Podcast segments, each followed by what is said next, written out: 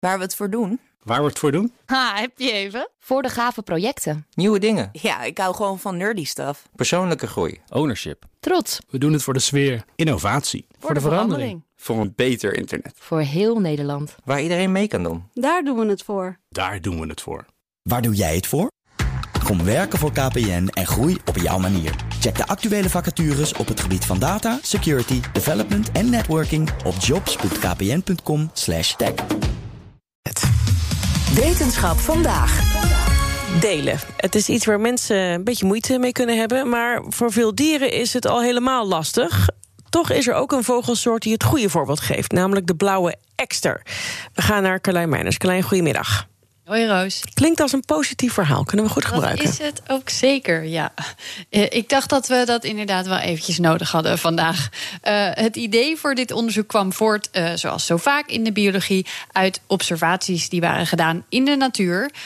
onderzoeker, gedragsbioloog Jorg Massen van de Universiteit Utrecht... vertelt wat ze daar al hadden gezien tijdens het bestuderen van de blauwe ekster. Zij hebben een, een bepaalde uh, breeding style, dus hoe ze hun kinderen grootbrengen. Waarbij het niet alleen de vader en de moeder zijn die uh, eten halen voor de kinderen in het nest, uh, maar ook andere dieren. En dat zijn vaak de jongen van het jaar daarvoor. Dus dat zijn dan broers en zussen van het nieuwe nest. Maar het zijn soms ook dieren die niet eens verwant zijn aan de vader en moeder. Ja, daarin lijken ze dan bijna een beetje op ons. Ja, die zorg een beetje verdelen. Dat doen wij mensen ook inderdaad. Uh, ze wisten dus al dat de beestjes, familie van onze gewone extra overigens, heel sociaal waren. Maar nu waren ze nog benieuwd hoeveel intelligentie daar nou achter zat. Of dat het misschien juist gewoon instinct was. En dat zijn ze in een experiment verder gaan onderzoeken. Ze hebben daarvoor steeds een dier apart gezet. In een hokje naast de grote kooi. Maar er zat alleen gaas tussen. Dus hij of zij kon nog steeds met de rest van de groep communiceren. En toen hebben we dat dier dat uh, gesepareerd was, uh, ja, een, een, een, bak vol met heel veel meelwormen ge, uh, gegeven. Nou, meelwormen zijn ja, voor ons nou niet echt het meest smakelijkste idee, maar voor, voor deze blauwe extras is dat echt een lekkernij. Maar we hadden ze zoveel gegeven dat dat ja, voor één vogel gewoon echt te veel is. En wij vroegen ons dan ook af van ja, gaat, gaat die vogel dat vervolgens met die soortgenoten die daarnaast zitten delen? En dan afhankelijk van of die soortgenoten ook iets hadden. Dus we hadden daarbij eigenlijk uh, twee condities. Eén uh, waarbij die soortgenoten niks hadden. En één waarbij die uh, soortgenoten ook toegang tot een grote bak meelwormen hadden. Nou, overzichtelijk experiment. Wat kwam eruit? Ja. Ze zagen inderdaad dat de dieren een onderscheid maakten tussen groepsgenoten die met niks zaten en groepsgenoten met eten.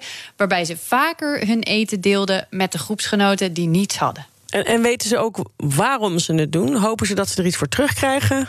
Ja, dat antwoord kunnen ze aan de hand van dit experiment nog niet helemaal geven. Maar Massa heeft wel zo zijn vermoedens. Evolutionair gezien zou je zeker denken dat het wel wat op moet leveren om dit te doen.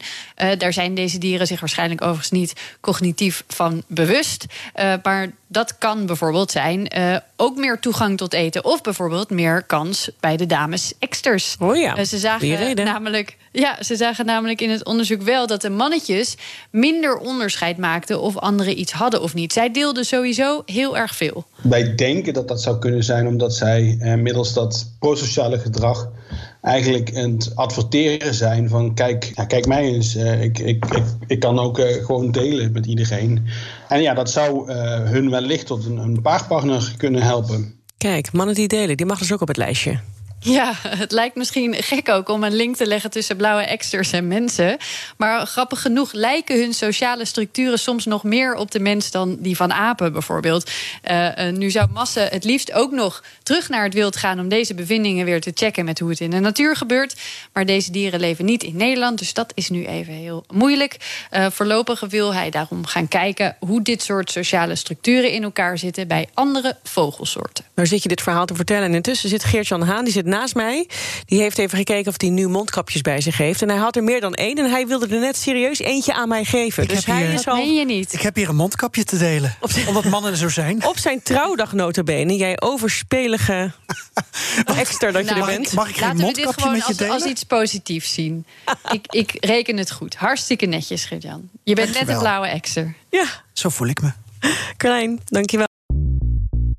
BNR ben je altijd als eerste op de hoogte van het laatste nieuws. Luister dagelijks live via internet. Bas van Werven. En heel langzaam komt de zon op rond dit tijdstip. Je krijgt inzicht in de dag die komt op BNR, het Binnenhof in Nederland en de rest van de wereld. De Ochtendspits. Voor de beste start van je werkdag. Blijf scherp en mis niets.